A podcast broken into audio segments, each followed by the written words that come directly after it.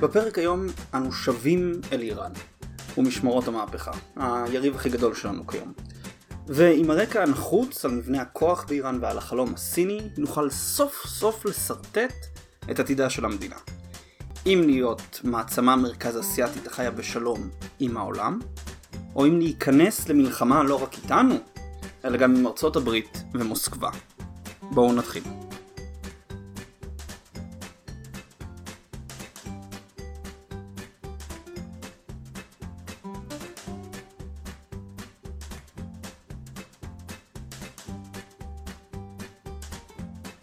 בפרק הקודם דיברתי על החלום הסיני וכיצד סין עוזרת לאפריקה להפוך למרכז כלכלי חדש בעולם. מה שלא הדגשתי אז ומה שאני רוצה להדגיש עכשיו היא העובדה שהחלום הסיני וכל תוכנית וחזון שנגזרים ממנו הם כלכליים במהותם. וזו נקודה מאוד חשובה שהרבה פעמים מתעלמים ממנה כאשר מתעסקים עם סין. החזון הסיני הוא חזון כלכלי. סין היא בעצם המעצמה הראשונה עם חזון עולמי שהוא לא אידיאולוגי או דתי, אלא כלכלי חומרני. היא לא מחפשת להשתלט על העולם, או להביא צדק וחירות לכל, אלא היא מחפשת להבטיח לעצמה צמיחה כלכלית ולאפשר ל-550 מיליון סינים להפוך למעמד הביניים הגדול בעולם. למה הנקודה הזאת כל כך חשובה? טוב, עד סין כל מעצמה טענה שהיא משרתת אידיאל נשגב יותר. נכון, נכון, אפשר להיות צינים ולטעון שגם אז הן פעלו רק בשביל עצמן. אבל העובדה נשארת שגם אם כן, כלומר גם אם הם באמת היו ציניקנים שפעלו רק בשביל עצמם, המעצמות, הרי שהם עדיין הרגישו את הצורך להסתיר את האינטרסנטיות שלהם מאחורי מעטה של אידיאלים נעלים. ואנחנו רואים את זה בדוגמאות קיצוניות ושונות. לדוגמה מלאכים פורטוגלים כבשו את האוקיינוס ההודי במאה ה-16 תחת הטענה של הפצת הנצרות ושלטון ישו וארצות הברית במאה ה-19 ובמאה ה-20 התפשטה בצפון אמריקה ובעולם מתוך לא רצון לעוצמה אלא בשם האידיאלים של נאורות וחירות לכל. כלומר מאז בערך המאה ה-15 כל כוח עולמי טען שהוא משרת איזשהו רעיון נשגב כן אם זה הגשמת הרצון האלוקי לדוגמה פורטוגל, ספרד וצרפת של ימי הרשליה, הפצת הנאורות, צרפת של נפוליאון, ארה"ב, אה, הקולוניאליזם, או אפילו שמירת הגזע הארי, כן? אפילו הנאצים, יימח שמם, טענו שהם משרתים את הרעיון הנשגב יותר של הגנת המין האנושי. והנה באה סין ואומרת, חבר'ה, אני רוצה אצלי כלכלה צומחת, בואו נעשה עסקים. לא צדק, לא חירות, לא תרבות של הברברים, לא הפצת uh, הבודהיזם ועליונותו האלוקית של קונפוציוס, לא.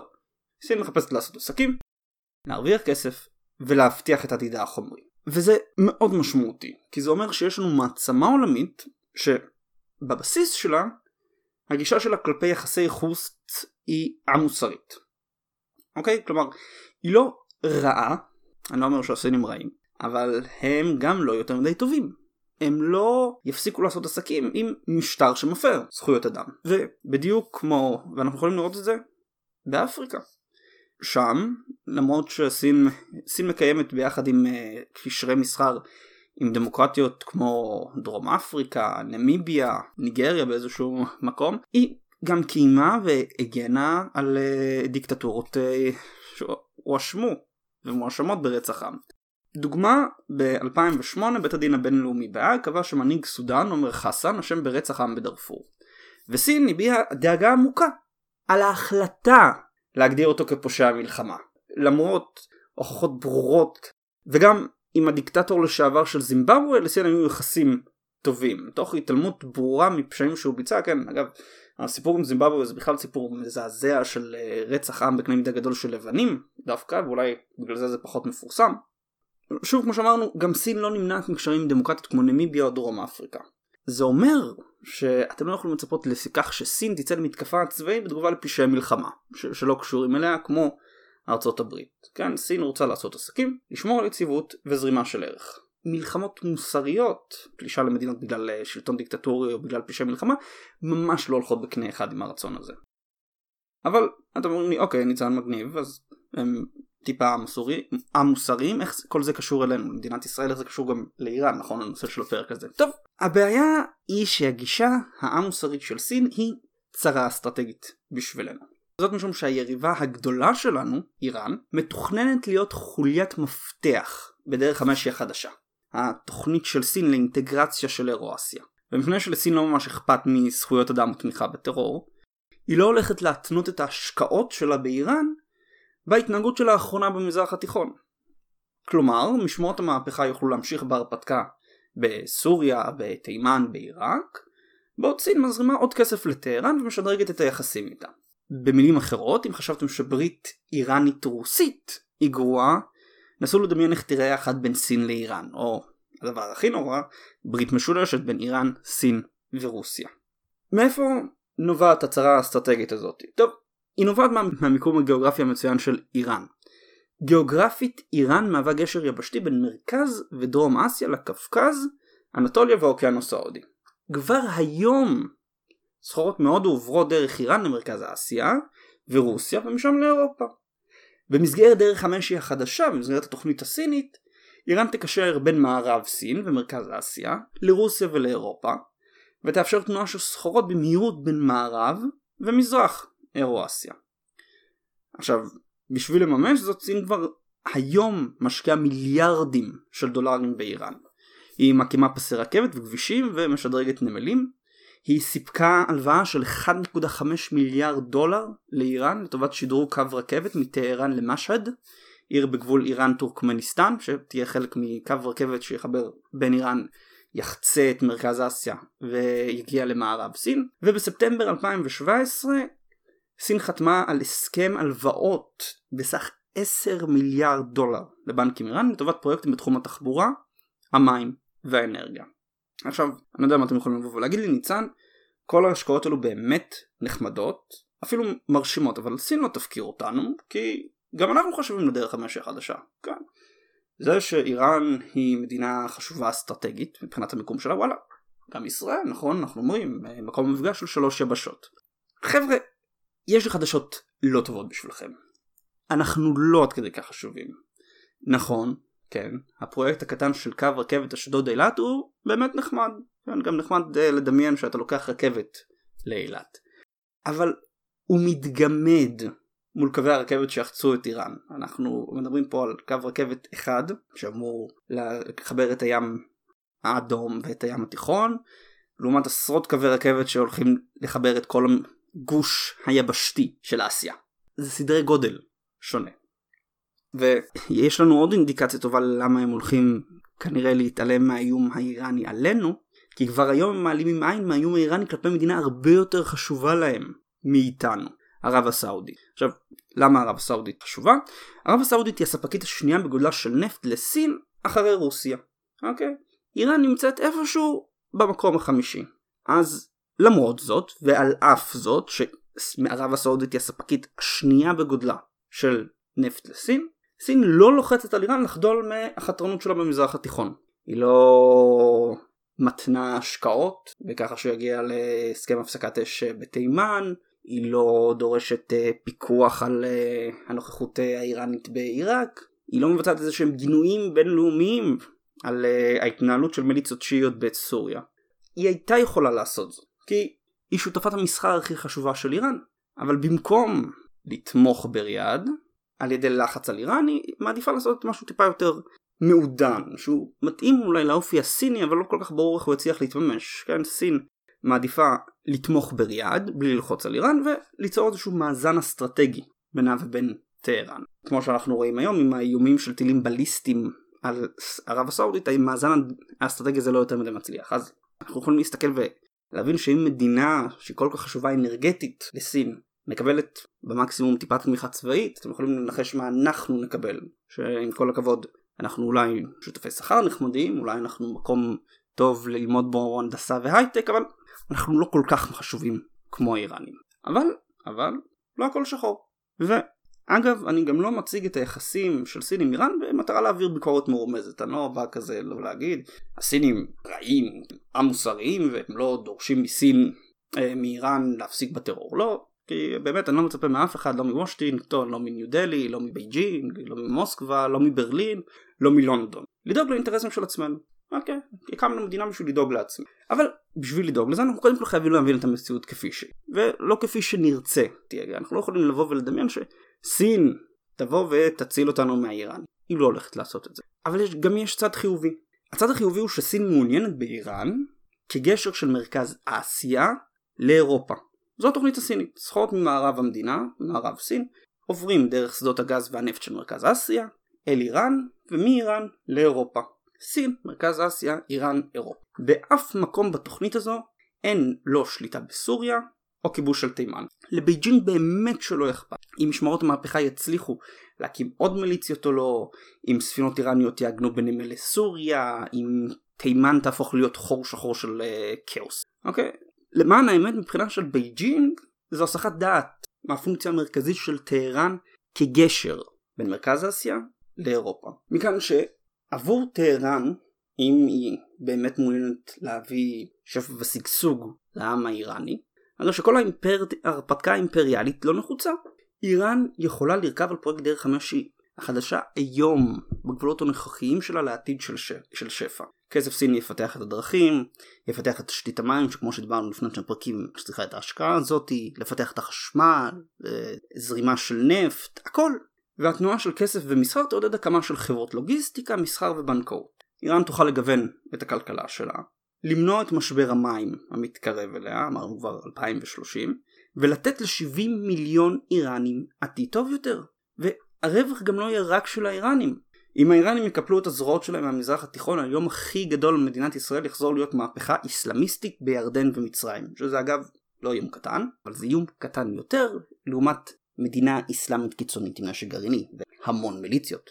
לבנון תוכל לנסות ולנהל דמוקרטיה פרלמנטרית תקינה כי חיזבאללה יפסיק לקבל אה, תמיכה צבאית ואסד ייאלץ אחרי רבע מיליון הרוגים להשלים עם העובדה שהוא כנראה לא יכול להיות הנשיא של סוריה חדשה לא עם כל הדם של חפים מפשע שיש לו על הידיים ואפילו עיראק כן שנראית כמו מדינה רגע לפני קריסה טוטאלית תרוויח כי המתחים הדתיים בה התמתנו עם יציאת המיליציות השיעיות מהמדינה כל האזור יוכל להרוויח. אז למה באמת איראן לא רוכבת על האפשרות הזאת של דרך המשי החדשה? כי כמו שדיברנו, את איראן מנהל צמד רעיל, המנהיג העליון ומשמרות המערב. רווחת העם מעניינת אותם פחות מהשארת עצמם או הפצת המהפכה האסלאמית. ובמציאות בה איראן מתמקדת בעיקר ברפורמות כלכליות ומסחר, למשמרות ולמנהיג העליון יש מעט מאוד הצדקה. הם מוסדות מהפכניים שקיומם מיועד להפצת המהפכה. אם המהפכה אינה מופצת, אם היא יורדת מסדר היום הציבורי לטובת אה, השקעות בחשמל, בכבישים וברכבות, אז עולה השאלה, למה הם עדיין קיימים? למה חברת שפע איראנית צריכה מוסדות מהפכניים שגם מקיזים את דמה, גם מקיזים את המשאבים שלה על כל מיני הרפתקאות מיותרות, אלפי קילומטרים מהבית. ולכן אין סיכוי שמשמרות המהפכה והמנהיג העליון יאפשרו לאיראן ל- לרכב הדרך המשי החדשה, לרכב באמת, כלומר באמת להפוך להיות חלק אינטגרלי מהחזון הסיני.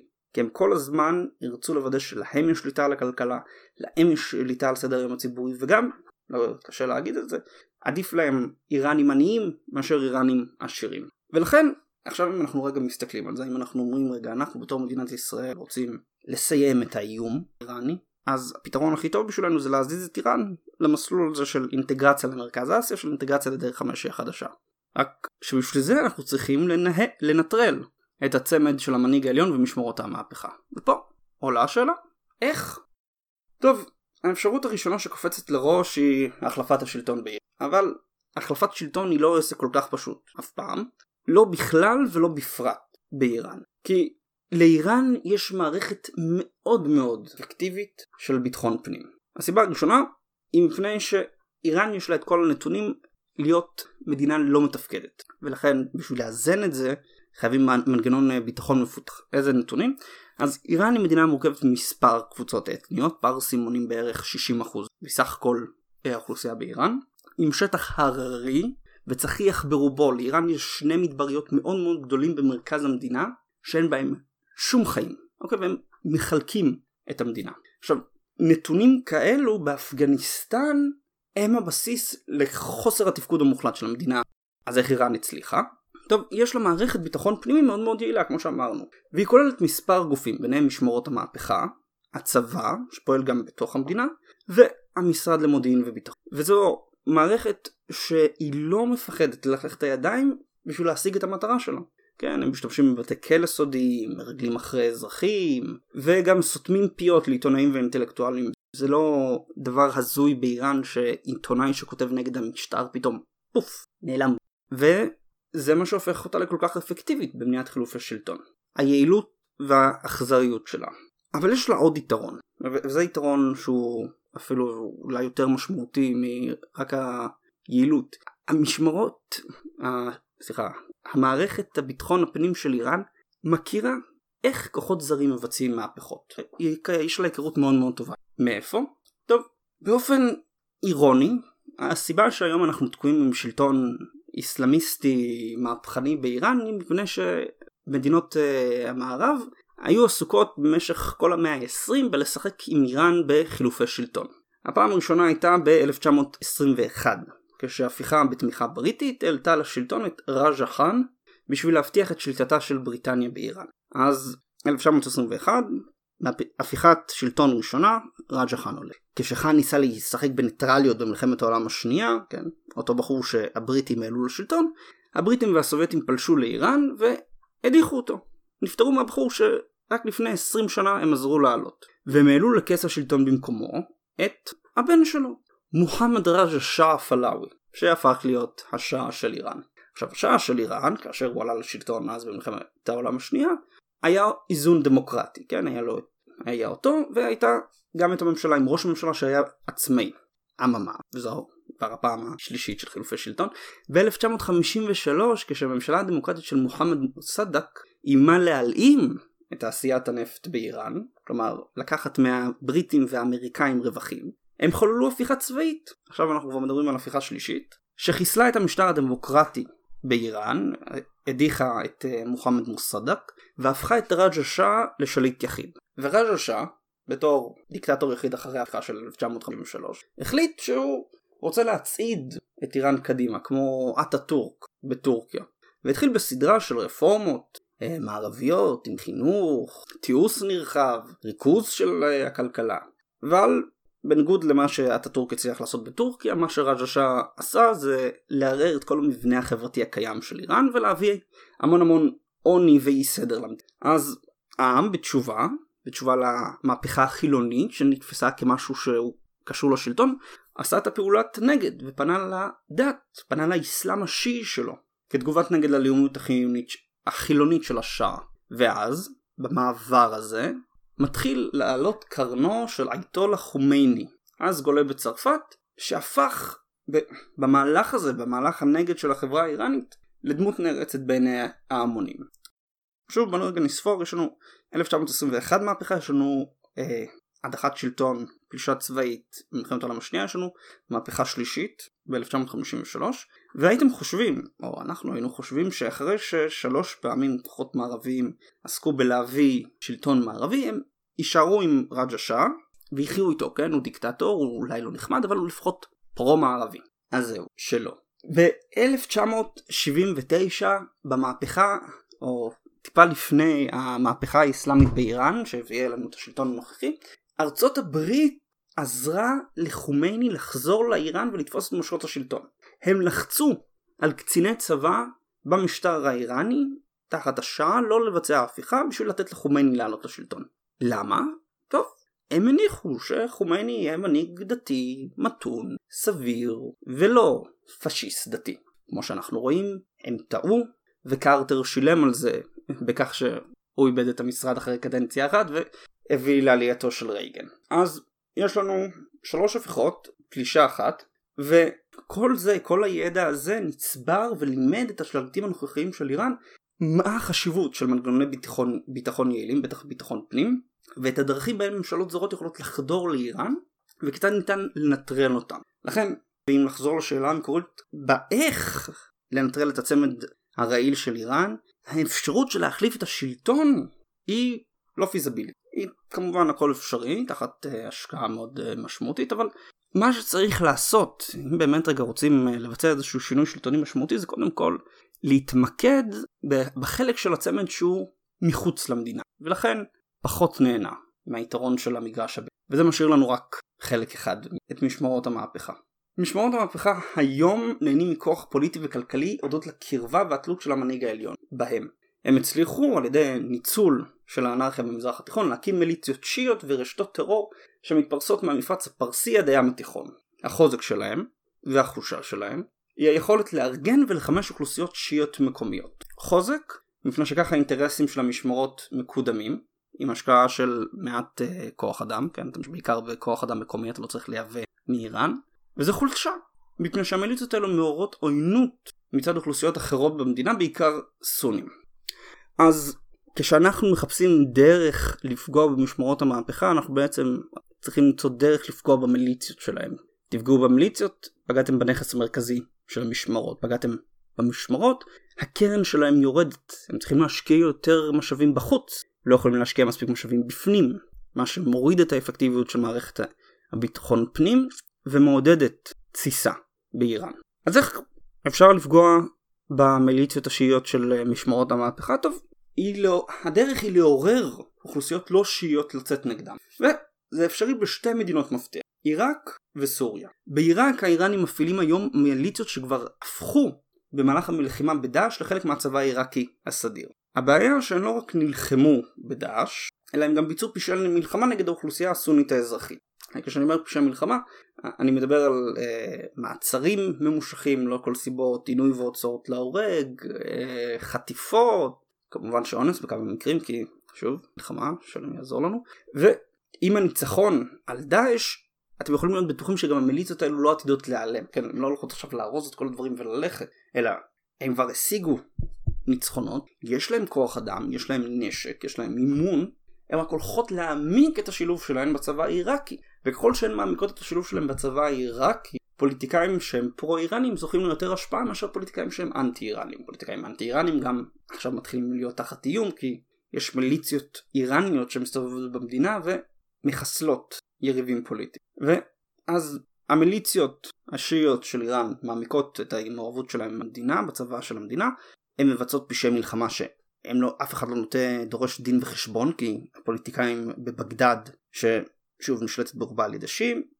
גם נוקטים בקו פרו-איראני והסונים מסתכלים מהצד וכמובן שהם מאוד מאוד לא מרוצים מכך. אותי אגב זה לא, מס... לא מפתיע וכבר לפני שנה בפרק בשם תנו לדאעש לכסח הזהרתי שדאעש הוא לא בעיה כי אם סימפטום הוא תגובה לשינוי במאזן הכוח בין השיעים, בין השיעים והסונים. עתה כשהארגון הובס והסונים מוצאים עצמם תחת שלטון שיעי פרו-איראני הם יחפשו דרך חדשה להגן על זה ופה אנחנו יכולים לעזור. אנחנו יכולים לתרום לשבטים הסונים ביכולות מודיעין ונשק, כולל אסטרטגיות וטקטיקות להגנה מפני מיליטות שיעית, שיעיות. אנחנו יכולים לתת להם נשק להגנה עצמית, אנחנו יכולים לתת להם נשק שהוא טיפה יותר התקפי, כן, נשק נגד שריון, אפילו אפשר לדבר קצת על uh, טילים נגד uh, מטוסים ומסוקים, כשהמטרה היא לאפשר לסונים להקים מיליציות נגד למיליציות השיעיות, ולדחוק אותן מאזורים סונים ולאפשר לאוכלוסייה האזרחית שם לחיות בביטחון יחסי.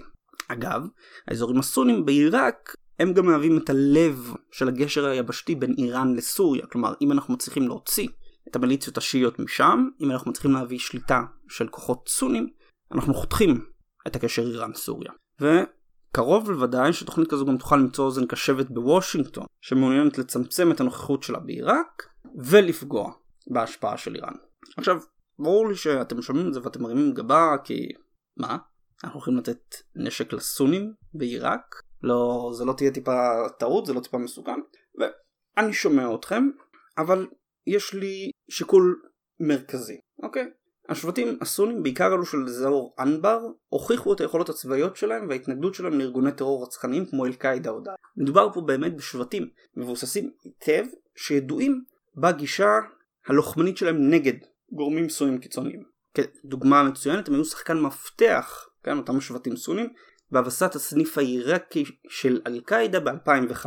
ואני לא מצפה יהפכו לאוהבי ישראל, אני לא חושב שאם ניתן להם נשק ותמיכה הם יהפכו להיות לפרו-ציוניים, אבל אני כן חושב שהם באמת יכולים להצר את צעדיה של איראן בעיראק, מבלי האיום שבככה שאנחנו תומכים בהם אנחנו בעצם מקימים את דאעש 2. כי שוב, הם הוכיחו את עצמם כמתנגדים לארגוני טרור קיצוניים. המדינה השנייה, שהיא מדינת uh, מפתח להגמוניה האיראנית ואנחנו גם יכולים לפעול, היא סוריה. ועל אף מה שנדמה, הכוח הכי משמעותי שיכול לעזור לנו בסוריה היא דווקא רוסיה. רוסיה. למה רוסיה? טוב, לרוסים ולאיראנים יש שתי גישות מאוד מאוד שונות למה הולך להיות ביום שאחרי המלחמה האזרחית, אחר, אחר מלחמת האזרחים בסוריה תיגמר. האיראנים רוצים להפוך את סוריה לבסיס קדמי שלהם. עם uh, בסיסי, uh, בסיסי צבא ושדות תעופה צבאיים ונמלים וספינות איראניות שארגונות ותרגילים משותפים ואפילו מיליציה שיעית דמוית חיזבאללה שתשב בסוריה ותאיים עלינו. זה, זה החלום של איראן. איראן רוצה לראות את סוריה כמדינה שכפופה לה כבסיס קדמי נגדנו. הרוסים לעומת זאת ממש בגישה שונה כי הרוסים באים ואומרים המטרה שלנו הייתה לא להגדיל את איראן לא לחזק אותה אלא לוודא שאין אנרכיה בסוריה, בשביל לשמור על האינטרסים שלהם. לרוסיה יש אינטרסים מאוד מאוד ברורים בסוריה. היא מעוניינת בסוריה יציבה, בשביל שטרור לא יגלוש ממנה לתוך הקפקז, לא יאיים על רוסיה, בשביל לוודא שהבסיסים הצבאיים שיש לרו... לרוסיה בסוריה יישארו במקומם. זה כל המטרה של רוסיה. עכשיו אם האיראנים הולכים להפוך אותה למדינת חסות, הם הולכים לעודד גם טרור, הם הולכים לפגוע בריבונות של אסד, והם הולכים לעודד מתקפה שלנו על האיראנים. אז בעצם הרוסים, וככה שתמכו ב... בשער אסד עם איראן, פתאום יכולים למצוא את עצמם בברוך עוד יותר גדול ממה שהיה להם בהתחלה ב-2015. ולכן, ומוסקבה כמובן, במוסקבה לא יושבים מטומטמים, והם מתחילים לזוז בכיוון של להתרחק מסוריה. אוקיי? אז עדות ראשונה לתהום הזאתי בין, רוס... בין רוסיה ואיראן ובמענה הקר שדמשק קיבלה לדרישות של איראן. האיראנים הגישו לאסד רשימה ארוכה של דרישות שמטרתן לשים כוח איראני ימי ואווירי בסוריה. הם כמו שאמרתי מעוניינים לקבל בסיס טיסה ונמל צבאי בסוריה ולהציב כוחות שם במשך 50 שנה. בדומה לבסיסים של הרוסים במדינה. אסד במקום לענות לדרישת האיראנים שעבור איראן זה ברור מאליו כי הם הקריבו אלפי אנשים בשביל עליו אמר להם שהוא מעדיף להתקדם באיטיות ובזהירות. כלומר הוא לא אמר להם לא, אבל הוא מתכוון למרוח אותם. רם ורמז נוסף שיש לנו בין התהום זה בהסכם בין רוסיה, ארה"ב וירדן. ההסכם שבא לקבע את הפסקת האש בדרום מערב סוריה מציין גם כוחות זרים וקורא ליציאה ההדרגתית של כוחות זרים בשביל להבטיח את השלום, סליחה, את יציבות השלום באזור. עכשיו, יש ויכוח מה בדיוק הכוונה של כוחות זרים שמדבר עליו ההסכם אבל אם הגישה הרוסית היא להרחיק את האיראנים הרי שהם מתכוונים להכפיף גם את האיראנים לתוך ההגדרה הזאת של כוחות זרים. הם מתכוונים לרמוז לאיראנים שחבר'ה נגמרה המלחמה, צאו מסוריה. רוסיה רוצה לצמצם כמה שאפשר את ההשפעה האיראנית בסוריה. ומבחינתנו כשאנחנו מסתכלים על זה יהיה מאוד מיותר לפלוש לסוריה בשביל לסלק את המשמרות. כשהרוסים והאמריקאים כבר עכשיו מחפשים דרכים לעשות זאת. כי אם אנחנו נפלוש, הרי שלרוסיה לא תהיה ברירה אלא לתמוך באיראן בתור הצד המתגונן.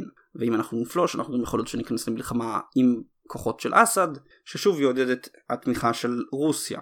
לעומת זאת, עדיף מבחינתנו רגע לשבת בצד ולראות איך הרוסים והאמריקאים מטפלים בנוכחות האיראנית.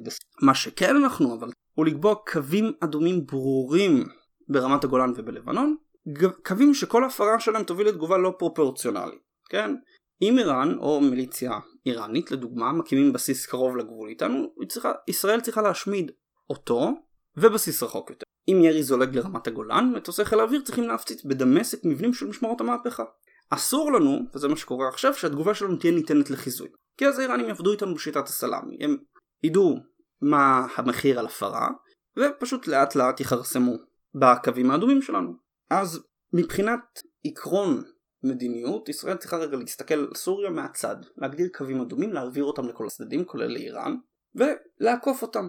אבל, ופה חשוב, גם כאשר אנחנו בעיקר יושבים מהצד, אסור לנו שלא לבחון גם שיתופי פעולה עם קבוצת אסטרטגיות בסוריה, כי סוריה, וזה ברור לכל הצדדים, אולי לאסד שעדיין טיפה נמצא באשליות, ברור לכל הצדדים שסוריה תהיה בשלב, תהיה אחרי המלחמה פדרציה, באיזושהי מתכונת מסוימת. ולכן בפדרציה הזאת אנחנו כבר עכשיו צריכים לתמוך בקבוצות שאנחנו יודעים שהן ידידותיות לנו, או לכל הפחות ניטרליות לנו, ויכולות לאזן את האיראנים וגם את השלטון באסד. ושתי הקבוצות האלו הם הכורדים בצפון מזרח המדינה והמורדים הסונים שמרכיבים את הקואליציה האמריקאית במזרח המדינה. אוקיי, מדובר בשני כוחות מתונים שמעוניינים באוטונומיה במסגרת המדינה הסורית העתידית. הם שניהם נאבקים במיליציות שיעיות של איראן, שזה טוב לנו, ועם עזרה שלנו, אם במודיעין או בציוד, גם יכולים לנהל מערכה יעילה נגד הכוחות האיראן. גם אם הם לא יאבקו בהם ישירות, הם יוכלו לעצר את רגלי המיליציות, כמו עם המיליציות הסוניות בעיראק, ולהפנות משאבים לאזן ולהכריח את משוררות המהפכה להפנות משאבים נגדם, נגד הכורדים והסונים של מזרח סוריה, במקום להפנות את המשאבים מולנו ברמת הגולן. אז בואו נסכם. איראן נמצאת בצומת דרכים. אם תמשיך במלחמה נגד הסונים, היא תמצא את עצמה במלחמת התשה שתימשך, שתימשך עשרות שנים בעיראק, סוריה וחצי האי משמרות המהפכה יעתקו את, החז... את אחיזתם במדינה, שתקרוס תחת שחיתות ומשבר מים. אם לעומת זאת, איראן תפנה לדרך המשי הסינית, היא יכולה להיות מדינת מפתח באירואסיה, כגשר בין מרכז אסיה ואירופה, ולהפוך להיות מוקד חדש של מסחר עולמי. אבל זה לא יקרה עד שמשמרות המהפכה יאבדו מכוחם. וכאן אנחנו נכנסים. אנחנו יכולים לתמרום לכך בתמיכת כוחות אנטי איראנים באזור, בהצבת קווים אדומים בסוריה ולבנון, ובהמשך של מלחמת צללים נגדם. לא מדובר במלחמה קל... קלה, לא מדובר במלחמה קצרה, זו מלחמה שדורשת המון סבלנות, זו מלחמה שתדרוש מאיתנו הרבה פעמים גם לשבת רגע בצד ולנשוך את השפה. אבל היא מלחמה שאם נתמיד בה, נוכל לנטרל את האיום הזה אלינו ולאזור בכלל. בהצלחה לנו. טוב, עד כאן המשחק גדול להיום. זה הפרק של חודש דצמבר, ובגלל תקופת המבחנים שעומדת להיפתח אה, לכולנו הסטודנטים, לא יצא פרק בינואר, אבל כן יצא פרק בפברואר, יעסוק בשאלה שכולם שואלים, איך מוסקבה רואה את העולם? תודה רבה לכם על ההקשבה.